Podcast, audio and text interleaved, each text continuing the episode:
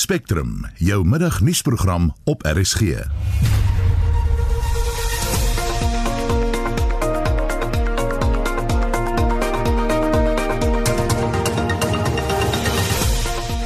En in die program ons kry reaksie op die besluit om die voormalige premier van Noordwes, Supra Mamopelo se skorsing terug te trek. Well, it's not a relief at all.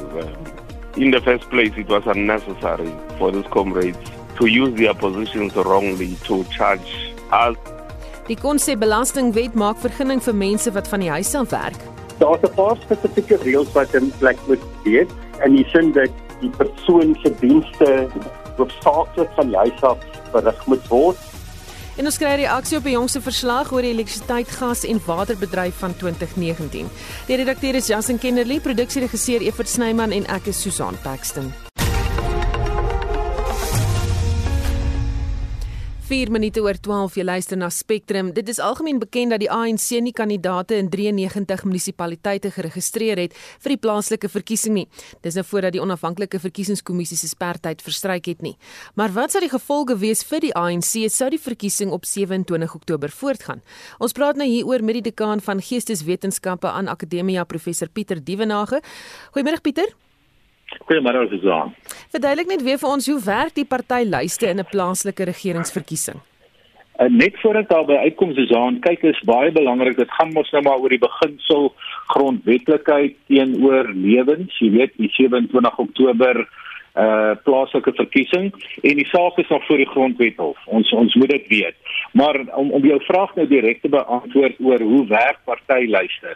Kyk, grondwetlikheid gaan daaroor dit gaan nie net oor 'n datum nie, jy weet 27 Oktober nie, maar dit gaan ook oor al die reëls wat moet nagekom word, jy weet tot 27 Oktober en in hierdie stadium is dit volgens die grondwet van die land die verkiesingsdatum en hierdie reëls ehm um, onder andere stipuleer sterdatums vir kandidaatelyste en die voorlegging van daardie kandidaatelyste. Nou volgens die um, grondwet en volgens die regulasies of die reëls wat die OVK dan moet nakom, moes teen 23 Augustus al die kandidate voorgelê geword het.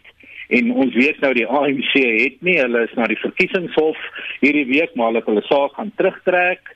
Uh, mense kan spekuleer hoekom het die ANC nie um, kandidate gesit uh jy weet uh, soos op die vereiste manier voorgelê nie.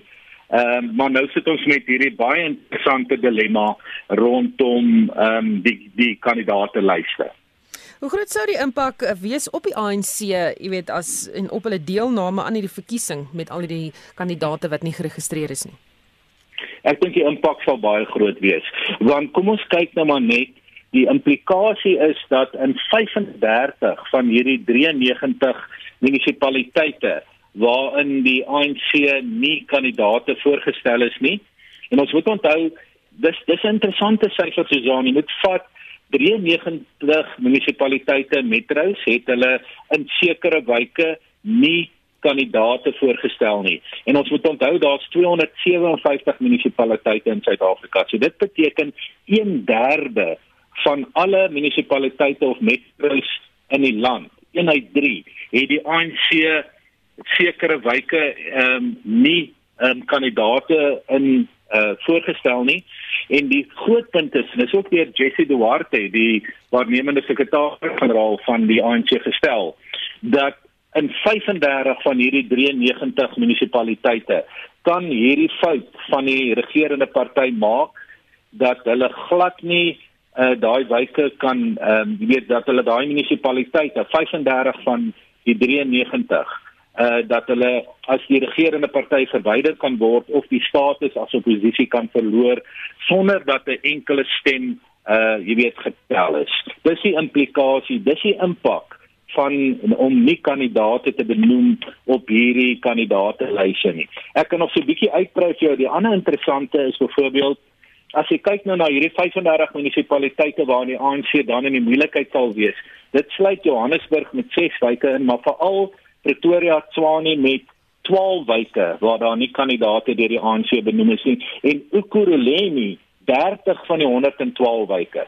Nou ook in Noordwes in die Weskaap en Mpumalanga, Vrystaat, kom dit ook voor. So dit is dit is geweldig ingrypend, maar nou kan die ANC net hoop dat die konstitusionele hof se uitspraak uh in hulle gun sal wees om die verkiesing uit te stel want dit sal die kandidaate lys kan verander maar nou weet ons ook rondom die konstitusionele hof se uitspraak uh is daar ook 'n klomp ehm um, hekkies waaroor moet gegaan word en en wat baie moeilik is.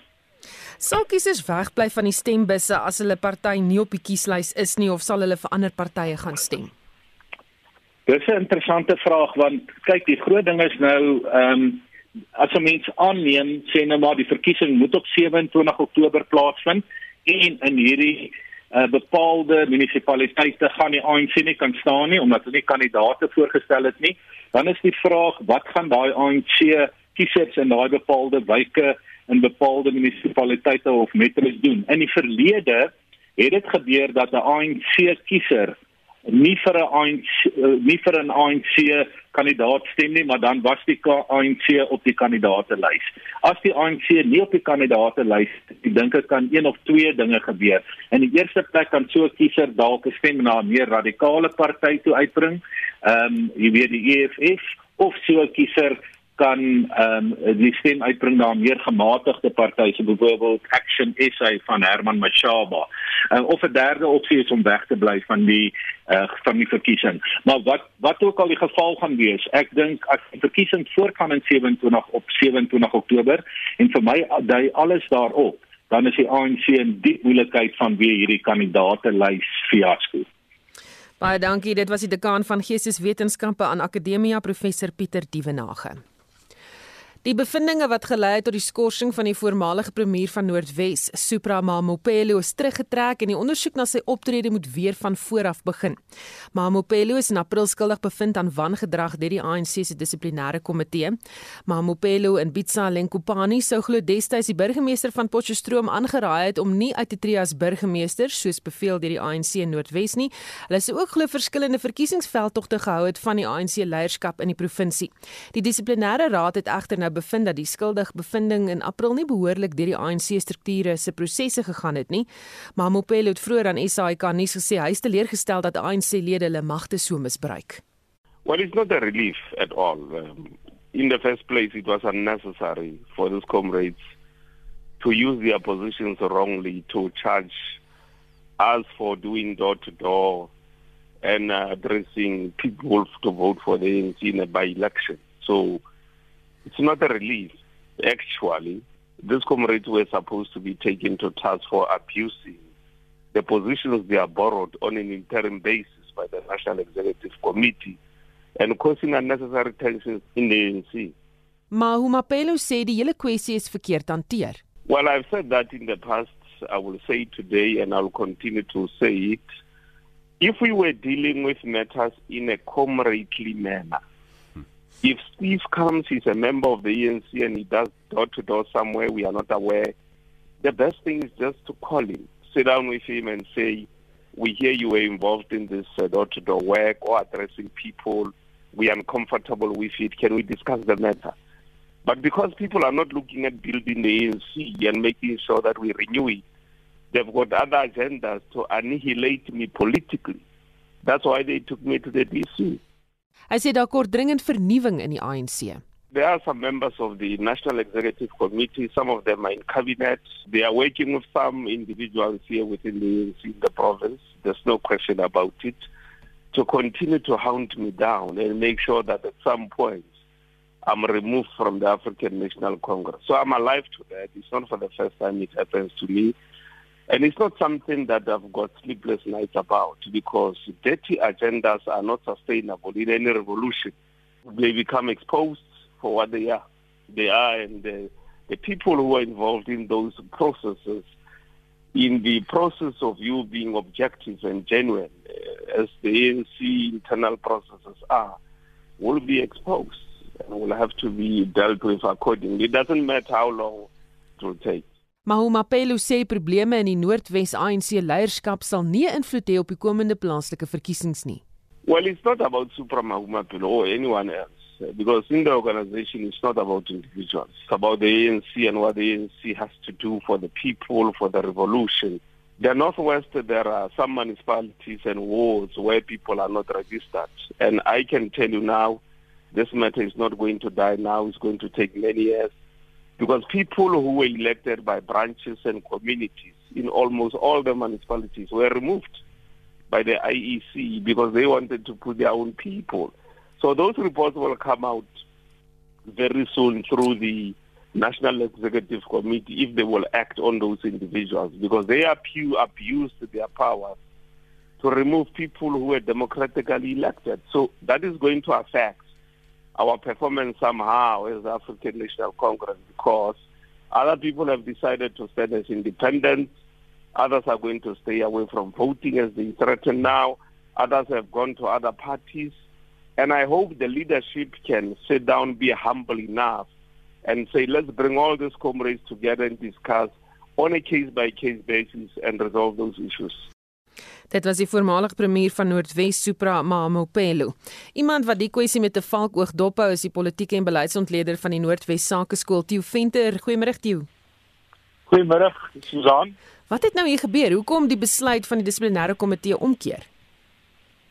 Wel, ehm uh, wat ons gehoor het nou met Supra Mamopelo met sy baie rasionele soort van verduideliking is iemand wat sterk in die lig is nadat hy eintlik uh, 'n hofsaak voorlopig gewen het want die die dissiplinêre komitee het dus geen bevinding gemaak nie maar die besluit is dat hy binne die volgende 6 maande weer verhoor moet word um, op dieselfde klagtes en um, dan um, kan hy natuurlik intussen aan die politiek deelneem maar hier is 'n klomp politieke konsekwensies van wat nou gebeur het. Ehm um, in die jy jy, jy het gehoor in sy onderhoud um, verwys hy reeds na die kandidaatslyste. Ehm um, hy brom daaroor want wat gebeur het tot nou toe totdat hy nou onthef is van sy skorsing was hy was in effek uit die stelsel uitgehaal terwyl die partylyste saamgestel word vir die verkiesing. So ek dink dit is wat die ehm um, partyleiers wat teen hom gekant is eintlik wou gehad het. Hulle wil hom neutraliseer in die aanloop tot die daarstel van die lyste. Nou kan hy deelneem want die samestelling van die lyste is 'n gedane saak. Hm. Nou hy het ook gesê dat dit was die verkiesingskommissie wat hierdie name afgehaal het. Ek weet nie of jy dit gehoor het nie. Ek dink hy het 'n fout gemaak. Dit moes die IPC, nie die IEC gewees nie. Nee, ek het dit baie duidelik gehoor en ek het 'n idee en um, uh, hy weet beter dat die onafhanklike verkiesingskommissie al nie name af tensy die name nie behoorlik gekontroleer of bevestig kan word nie. Maar en um, dit is die IPC met ander woorde die interim provincial committee wat in die finale instansie die name eers stuur na Letuli huis toe. En dan sukkel Letuli huis natuurlik soos hulle nou sê om op die rekenaarstelsel aangeskakel te kom en die name neer te skryf wat natuurlik 'n storie op sigself is. Wat beteken dit dat die proses of die ondersoek na hierdie gebeure van vooraf begin? Wel, die saak waaroor hy nou gepraat het in sy onderhoud, naamlik dat hy het allerlei beweringe gemaak in in huis tot huis gesprekke en in vergaderings wat hy gehou het wat baie uh, sterk pro Zuma um, was natuurlik in sy uitsprake dat hierdie um, saak weer voor die provinsiale dissiplinêre komitee sal moet doen. Uh, hy sal weer aangekla moet word. Daar sal 'n uh, bespreking moet wees en daar sal 'n bevinding gemaak moet word en dit moet in die volgende 6 maande gebeur. En wat sien ons nou hier gebeur binne die ANC in Noordwes? Wel, die ehm um, die persone wat Supramaim Apelo wou neutraliseer, het dit reg gekry vir 'n periode waarin hulle hom nie in die party nodig gehad het nie wat dit baie belangrik was om um, raadslede aan te wys wat hulle voel 'n verandering kan aanbring op plaaslike regeringsvlak. En die mense wat Supramaim Mapelo aanhang is natuurlik van die lyste afgegooi. En dit veroorsaak groot wrevel.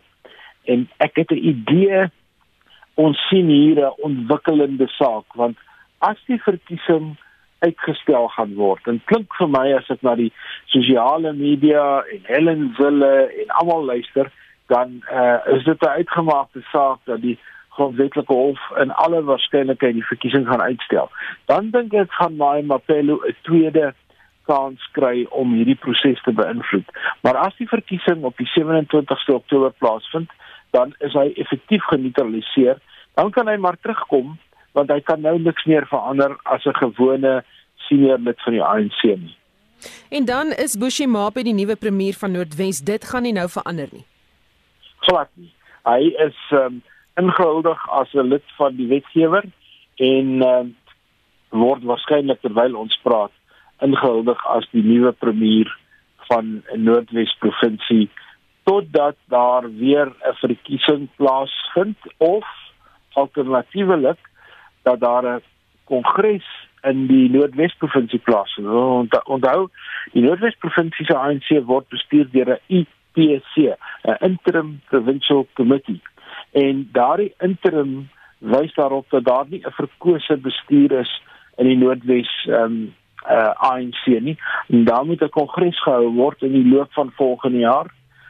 Dit moet eintlik in die loop van volgende jaar plaasvind want na die ANC konferensie toe te gaan, moet die provinsies hulle bestuure behoorlik verkose kry.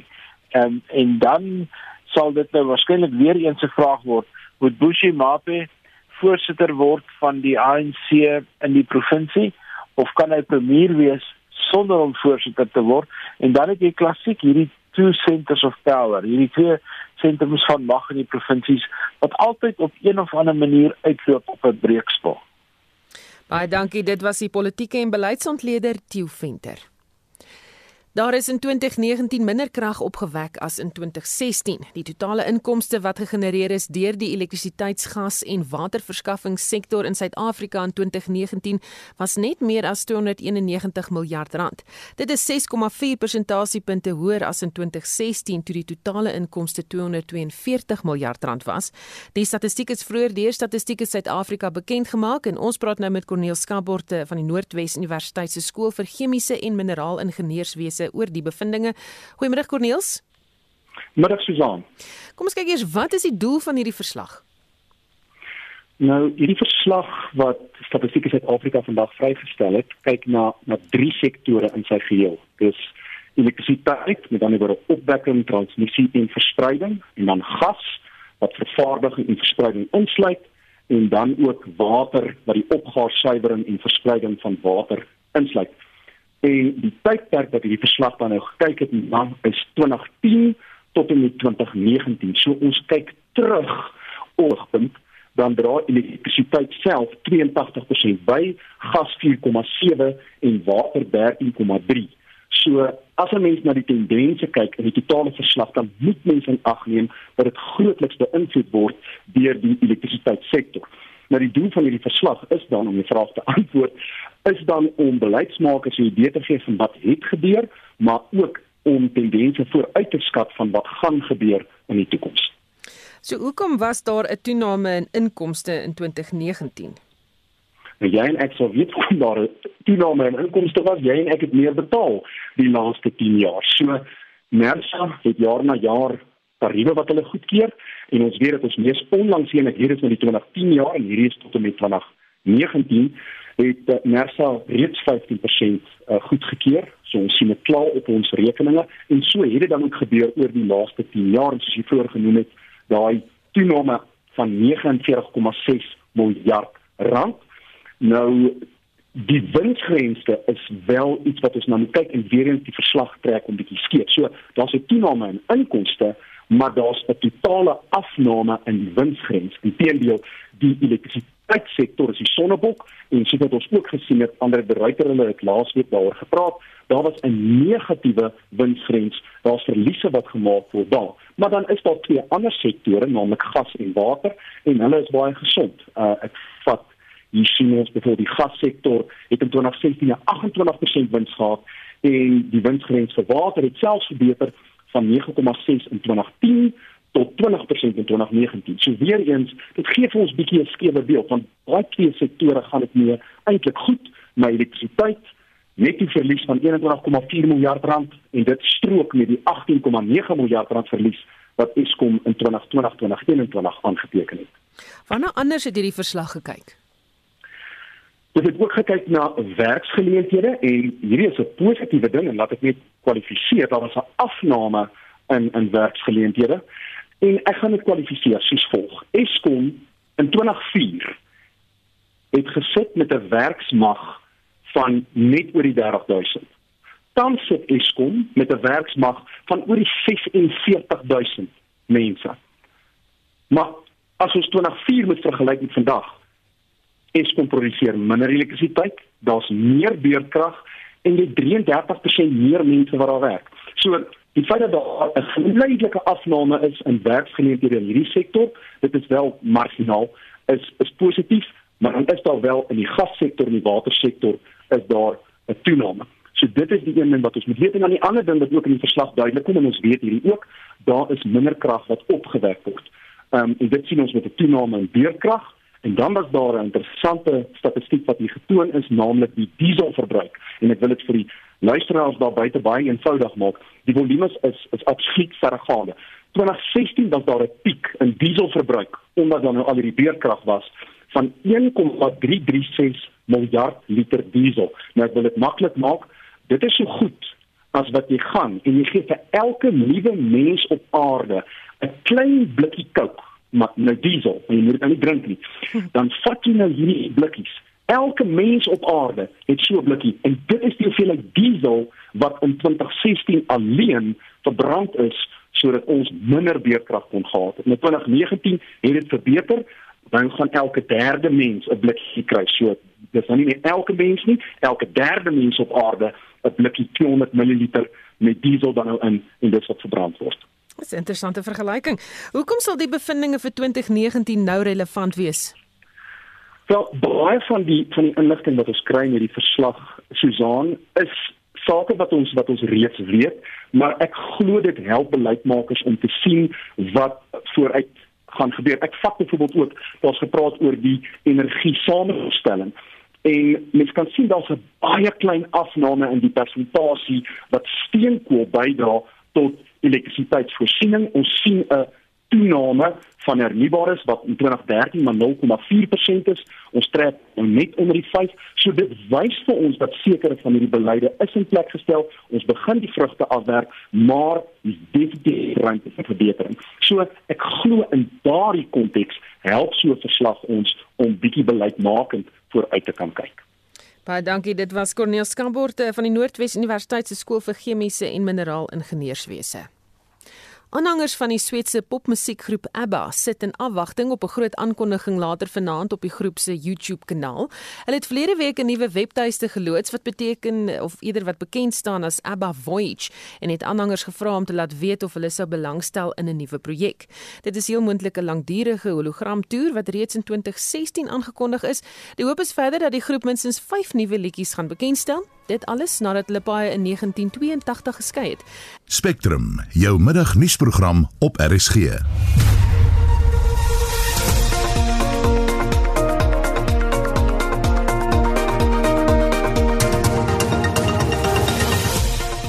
Nog in die nuus, 'n onafhanklike waterreguleerder gaan na verwagting volgende jaar gestig word.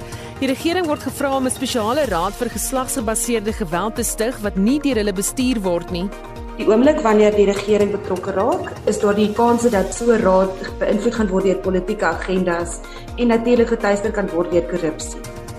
In die ou myndorp aan die Wesrand in Gauteng, Venterspost is reeds die afgelope 22 dae sonder elektrisiteit. Ek ek kan nog net vir regtig vir jou sê hoe ek voel nie, want dit gaan nie baie mooi uitkom nie, maar ek is keelvol verby. Ja, ek was suur geweest. Ek weet ek begin nou al lag oor hierdie grap van Eskom. Bly ingeskakel. Wat beteken ons drome? Wat beteken ons nagmerries? Is dit ons brein wat inligting verwerk of is dit ons brein wat 'n boodskap probeer oordra? Kom vind meer uit oor drome en nagmerries in die volgende episode van Wie is ek? Dis Wie is ek? Vrydag 12:30 net hier op RSG. Kom vind uit wie jy is.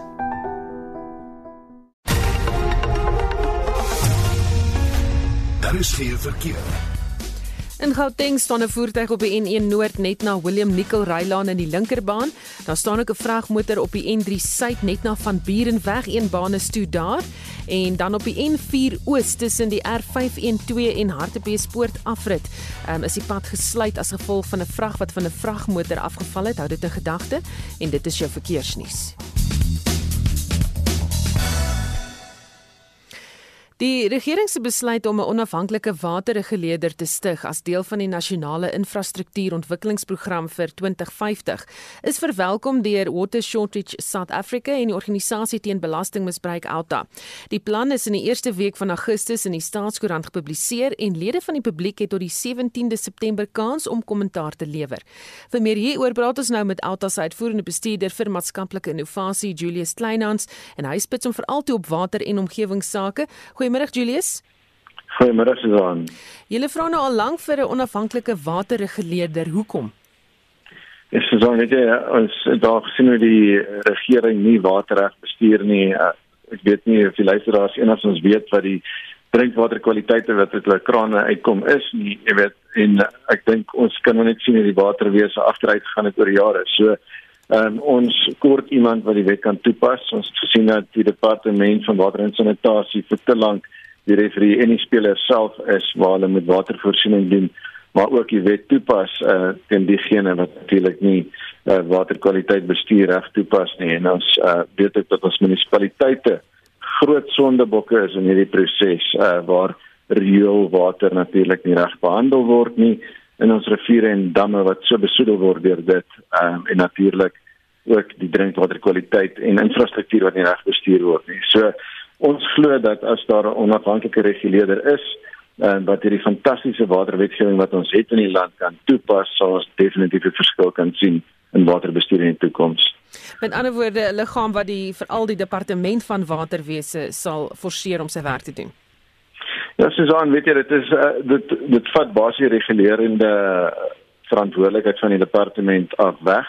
So dan moet die departement meer fokus net op waterinfrastruktuurontwikkeling. Dit is damme en dit groot pype en hierdie tipe um, goed om water by munisipaliteite uit te bring.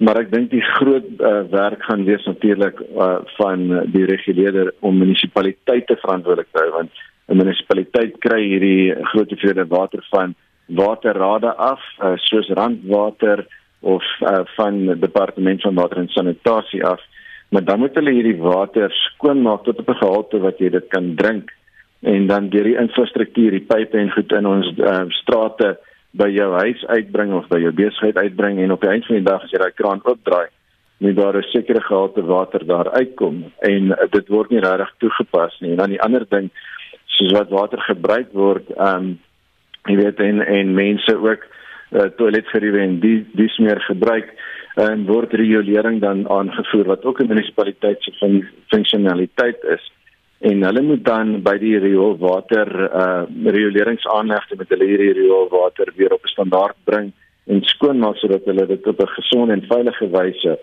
weer in ons riviere en damme kan instort. Nou ehm um, mense gril as hulle hoor van uh, water uh, hersirkulering en herwinning waar rioolwater skoon gemaak word en mense drink dit weer. Maar dit is nou vir jare die proses in Suid-Afrika want uh, net so stroom af by daai rivier onder 'n dorp is daar nog 'n dorp wat weer daai water onttrek, weer moet skoonmaak, uh, weer die mense wat dit gebruik, daai word weer deur die proses gesit en deur die rioleringsaanleg ehm um, uitgestort. Eh so dis 'n lankale ding in Suid-Afrika, maar die probleem is ehm um, ons munisipaliteite is nie deursigtig met hierdie goed nie en hulle natuurlik ehm um, voldoen ook nie ook nie na die minimum vereistes wat die wet uh nodig het om hulle te doen. So hulle besoedel ons riviere en damme en ehm um, dit is 'n kriminele oortreding as jy besoedeling toepas as jy dit nie kan regmaak nie en uh, ons sien dat as dit privaat sektor was, sou hulle 10 jaar lankal in tronk gesit het. Ehm uh, ons dalk sien hoe die direkteurs verantwoordelik gehou word in myne, maar ons sien dit nie gebeur met ons regering nie. So ek dink uh, ons glo dat as ons onafhanklike reguleerder is, uh, gaan ons definitief 'n uh, verskil kan sien. En Susan weet jy ons kort een munisipale bestuurder wat toegesluit word, dan sien ons 'n verskil sien in waterbestuur in ons land. Jy het aangedui jy is bereid om die regering by te staan in hierdie proses. Hoe wil julle dit doen? Ja, absoluut. Ons ons het al klaar ehm um, van hierdie beleide begin skryf. Dis al 2, 3 jaar terug. En dis met hierdie inligting wat ons uh, na die parlement toe gegaan het. En ons was al met die departement van water en sanitasie ook in gesprek en verskeie ministers wat al deur dit is. Ehm um, maar nou gaan dit regtig om die beleid te skryf en dit seker te maak dat dit ehm um, in lyn is met die wetgewing en prakties is vir Suid-Afrika dat toegepas kan word. Ons het nou al soveel keer gesien hoe die regering net nuwe beleide uitdink en try probeer toepas. Dit selfs as die etol wat ek dink ons baie vir bekend staan wat net nie prakties haalbaar is nie. Ehm um, so ons wil sien dat uh, ons kan deelneem aan dit en dat ander belanghebbende groepe ook kan deel wees van hierdie proses wat ons reg waterbestuur vir die toekoms ehm, 'n um, beter beleidsraamwerk kan skep maar ook wat ons dan 'n uh, 'n liggaam in 'n onafhanklike waterbeheerder kan kry wat ehm um, wat wat mense kan vertrou wat regtig nie die regering voor mense gaan plaas nie maar onafhanklik kan reguleer uh, en eintlik uh, die wet reg toepas. Baie dankie dit was Altas uitvoerende bestuurder vir maatskaplike innovasie Julius Kleinhans. Die ou myndorp aan die Wesrand in Gauteng, Venterspost, is reeds die afgelope 22 dae sonder elektrisiteit. Kragstasies by die Venterspost substasie waarop kragvoorsieningsdrade lê, het op die 12de Augustus omgeval en die kragtoevoer tot die dorp en omliggende gebied afgesny. Desperate inwoners se oproepe om hulp na Eskom het se te dien op dowe ore geval. Esie de Klerk het met 'n sakeman en 'n boer van die omgewing gepraat. Kyk, ek kan nou net vir jou regtig sê hoe ek voel nie want dit gaan nie baie mooi uitkom nie, maar ek is keelvol verby. Die eerste 2 weke, ja, ek was suur geweest. Ek weet ek begin nou al lag oor hierdie grap van Eskom. Dit kos my geld, maar ek begin nou al lag vir hulle want uh, ek meen 'n staatsinstansie wat nie eens kan krag voorsien nie, maar aan die einde van die maand kry jy jou kragrekening, jy moet betaal. Nou, ek wil net graag weet wat gaan hulle maak om verband met hierdie storie nou? Gaan hulle dit afskryf op jou kragrekening? Wat gaan hulle maak? Ek het nie antwoord vir jou daar nie, maar ek is keelvol verby al. Dit is hoe die melkboer Johan Kutse sy gevoelens oor die situasie probeer opsom. Kutse besit 'n groot kommersiële melkboerdery by Venterspost. Hy lewer 4000 liter melk, jogurt, amasie en verpakte roomys per dag aan produsente in Gauteng met 3 vragmotors op die pad.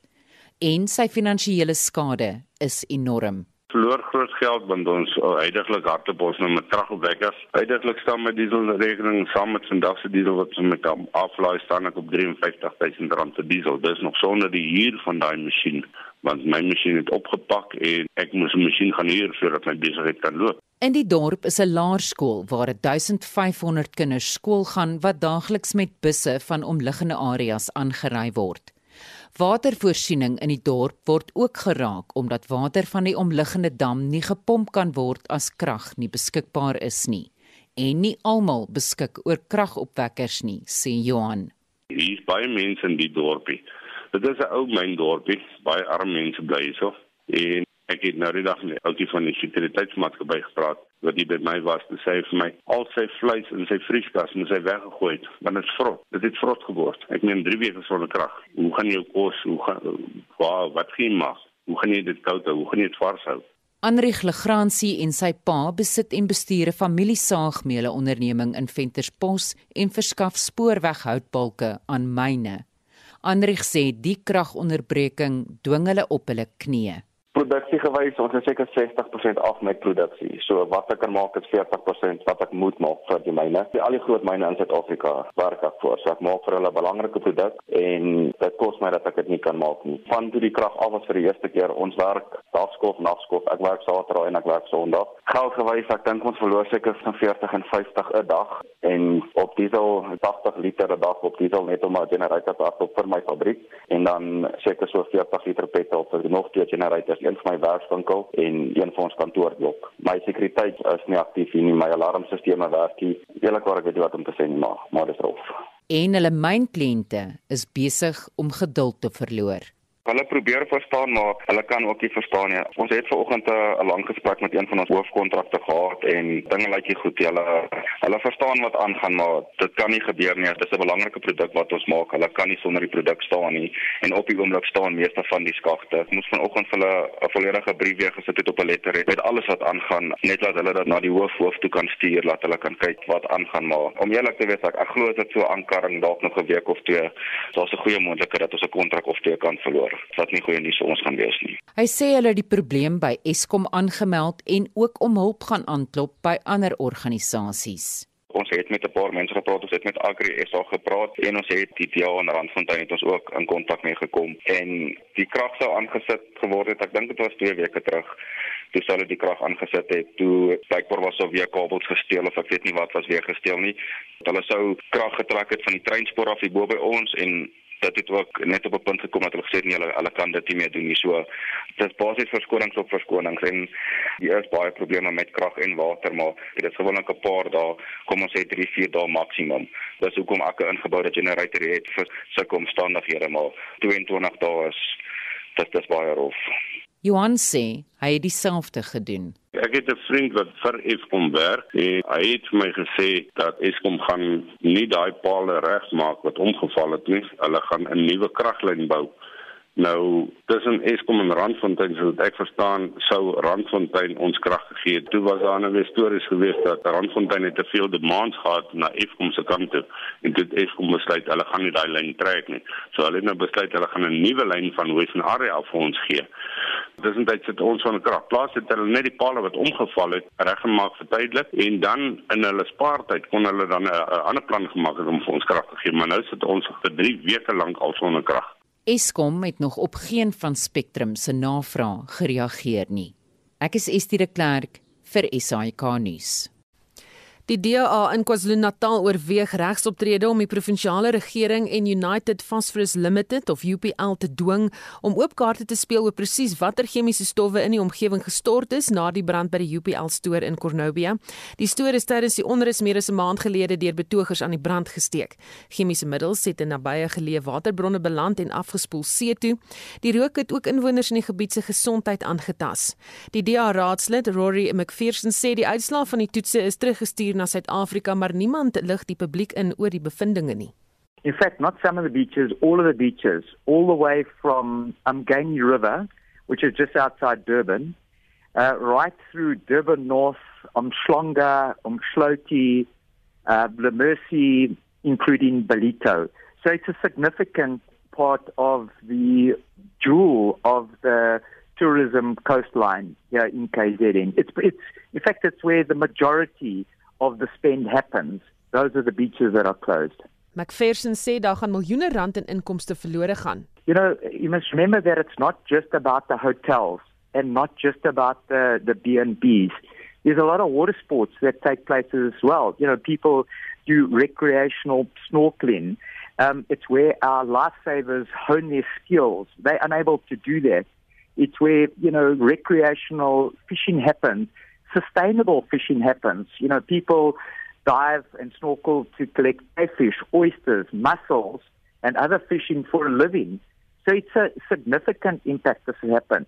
You know, just the recent study that Umschlonga Tourism did, just Umschlonga alone is 1.7 billion the impact has had. And, and, and the frightening thing is that at this stage, there's no end. We're not getting, you know, the relevant information, which is why, as a democratic license, Alliance we've engaged attorneys now to force them to give us answers. Hy sê hy kan nie verstaan hoekom die owerhede nie wil oopkaarte speel oor die situasie nie. You know, that that's the irritating thing. We shouldn't be forced to to operate like this. You know, when the fire happens, the owners of the factory should have just come forward and said, "This is the problem. This is what it is." Instead, what we've had to do is write lengthy letters to various heads, various ministers, and even those were ignored. So we've had to do uh, we've had to do what we didn't want to do, and that's resort uh, to attorneys to write legal letters. It shouldn't be like this. McPherson sê die gebrek aan inligting stel mense se gesondheid en selfs lewens in gevaar. You, this is the important part of, of your question. So I, I'm just needed to take a little bit of time here, and that is the results have come back. The results went to the UK, they come back, but they haven't been released. We don't know. They're not telling us. What I've heard through through the grapevine is that the beaches having having the results having been read, the beaches have remained closed. So you can read between the lines. It's a problem. It's a drama. They've got to tell us what is the drama. Why are the beaches remaining closed? Why are they now having to do more tests? For how long is this going to be? Because this is going to be devastating if the beaches are going to be closed right through till December. All we are interested in as a Democratic Alliance now is getting the truth. Have the residents been exposed to toxins that we got something to worry about in future? Is there stuff in the water in the ocean that if we've been exposed to it, do we have a problem later in life? Is there a problem that prevents us using the beaches? They have to be honest. It's right. It's the right thing to tell us. And if it means we're going to go to court, and if it means we have to get our attorneys, then we'll do it because it's the right thing to do. Dit was die raadslid Rory McPherson in Mount Edgecombe. Daar is die afgelope vroue maand opnuut 'n beroep op die regering gedoen om 'n spesiale raad teen geslagsgebaseerde geweld en die moord op vroue te stig. Die minister van vroue in die presidentskap, Mahiti Nkoane Mashabane, het haar 'n geruime tyd terug daartoe verbind om so 'n raad te skep, maar niks het sover daarvan gekom nie. Die burgerregte organisasie Action Society sê intussen hulle ondersteun die idee van so 'n raad, maar dat die regering liefs nie betrokke moet raak nie. Marlene Forsie het meer besonderhede. Die groep se woordvoerder Ilani van der Walt sê so 'n raad moet bestaan uit lede van die publiek, burgerregte organisasies en rolspelers uit die privaat sektor. Die oomblik wanneer die regering betrokke raak, is daar die kans dat so raad beïnvloed gaan word deur politieke agendas en natuurlik getuister kan word deur korrupsie. Die staat is nie daadwerklik besig om iets te doen aan die pandemie van geslagsgebaseerde geweld en vrouemoord in Suid-Afrika nie. Begin van die jaar is daar die geslagsgebaseerde geweld reaksiefonds gestig en hulle het 128 miljoen rand ingesamel deur die private sektor, maar daar kom niks van nie. Intussen wag baie slagoffers nou reeds jare lank vir hul dag in die hof. Van der Walt sê dis tyd dat die regering die land se inwoners toelaat om hand by te sit om geregtigheid te laat geskied. Die ideaal sal wees om burgerregte organisasies te kry wat reeds besig is om harde werk te doen in gemeenskappe en op die grond vir slagoffers van geslagsgebaseerde geweld en ook besig is om die regering aan te vat oor hierdie spesifieke probleem om hulle bymekaar te kry en die private sektor by te kry dat ons same plan kan maak, 'n daadwerklike plan wat uitgevoer kan word en wat vinnig uitgevoer kan word. So raad sou nie die regering uitsluit nie, maar kan volgens haar 'n beduidende impak hê op verskeie probleme. Op die grond bly die slagoffers nog steeds uitgelewer aan 'n regstelsel wat nie werk nie, aan polisieoffisiere wat nie DNS monsters kan vat nie want hulle het nie die toerusting om dit te doen nie as hierdie organisasies kan saamkom en saam staan met behulp van die private sektor, kan daar groot druk ook geplaas word op die regering om die goed wat moet uitgesorteer word uit te sorteer. Action Society is intussen besig om sake te aanvaar wat nou reeds 'n geruime tyd lank sloer omdat dit volgens die organisasie 'n skending van menseregte is. Ek kan vir die voorbeeld gee van van Chantal Mokoena, as 'n 5-jarige dogtertjie wat in 2019 verkragt en vermoor is die persoon wat haar verkrag en vermoor het was op daardie stadium uit op borgtog vir 'n vorige verkrachtingssaak van 2018. Hulle het omtrent aan die begin van Augustus eers die DNS uitslae in daai saak gekry. In hierdie tydperk is die moordenaar en verkragter 3 keer borgtog toegestaan. Hy het vrygeloop in 'n gemeenskap waar hy hierdie horribale daad gepleeg het. En as gevolg van die DNS agterstand wag hierdie gesin van hierdie arme dogtertjie wat so wreed vermoor is vir geregtigheid.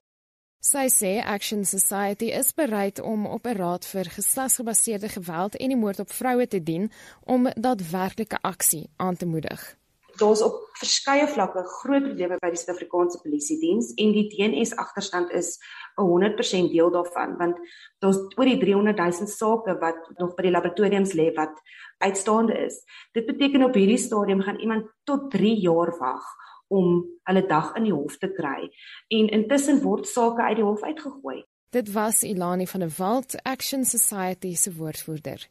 Marlene Forsie is ikonies.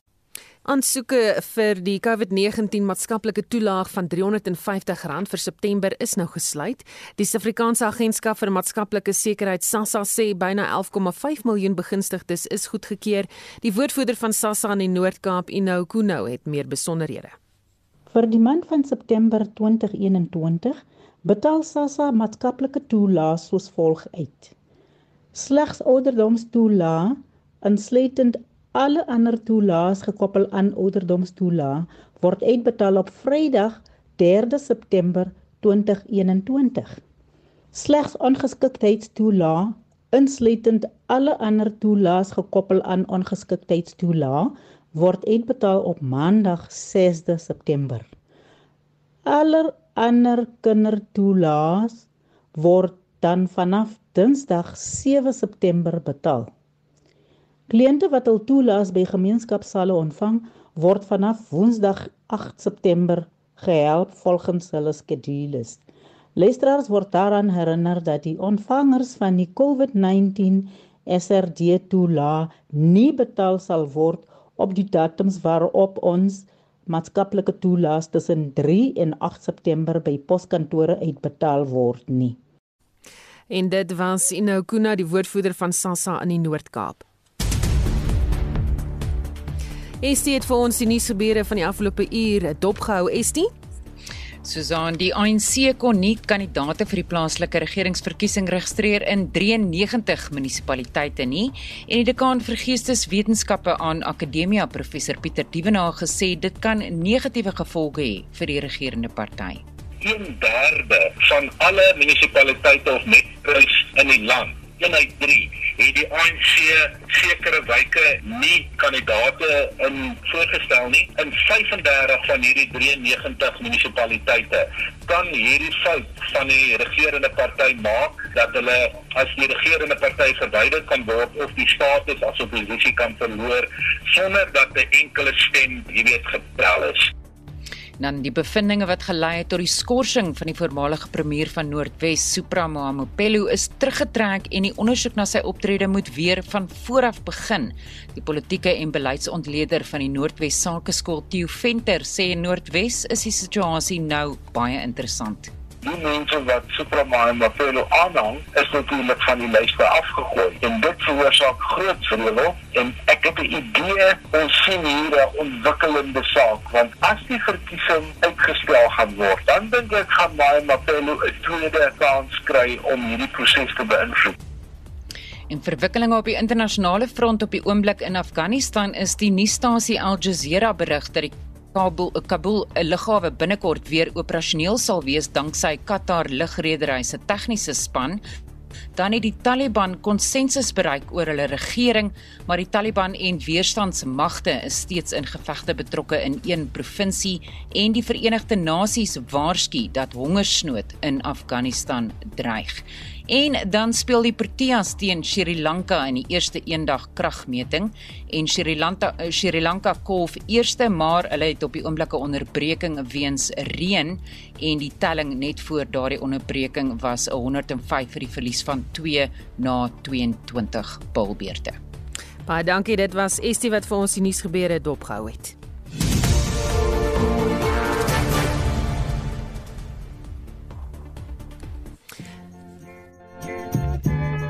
Ja, jy kan nie help nie.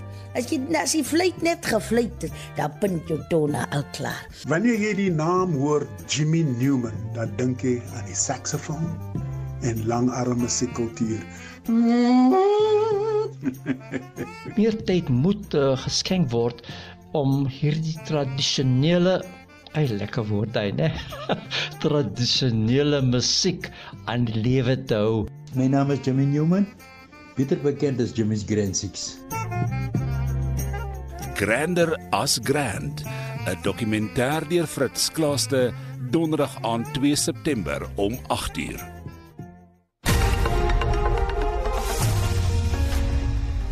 Net so vir ons groete brokkie nuus uit Amerika. Die Hoogste Hof in Amerika het bepaal dat wetgewing in Texas wat vroue verbied om aborsies te kry na 6 weke kan voortgaan. Die wetgewing bepaal dat aborsies nie mag plaasvind nadat 'n fetus se hartklop hoorbaar is nie. Nie alle vroue weet egter dat hulle in daardie stadium reeds swanger is nie. En die wetgewing bepaal dat uitsonderings gemaak kan word in die geval van mediese noodgevalle, maar nie in gevalle van verkrachting of bloedskande nie. Daar word boonop voorsiening gemaak vir enigiemand in die samelewing om sake teen rolspelers in die aborsieproses aanhang aanhangig te maak, selfs al is hulle nie direk daarbey betrokke nie. Teenstanders van die wetgewing sê hulle gaan nie op 'n baklei om te verseker dat vroue hulle eie besluite hieroor kan neem nie. daarmee groet die Spectrum span. Ons groet namens ons uitvoerende regisseur Nicoline de Wet, die redakteur Justin Kennedy en ons produksieregisseur Evert Snyman. Ek is Susan Paxton bly ingeskakel vir 360.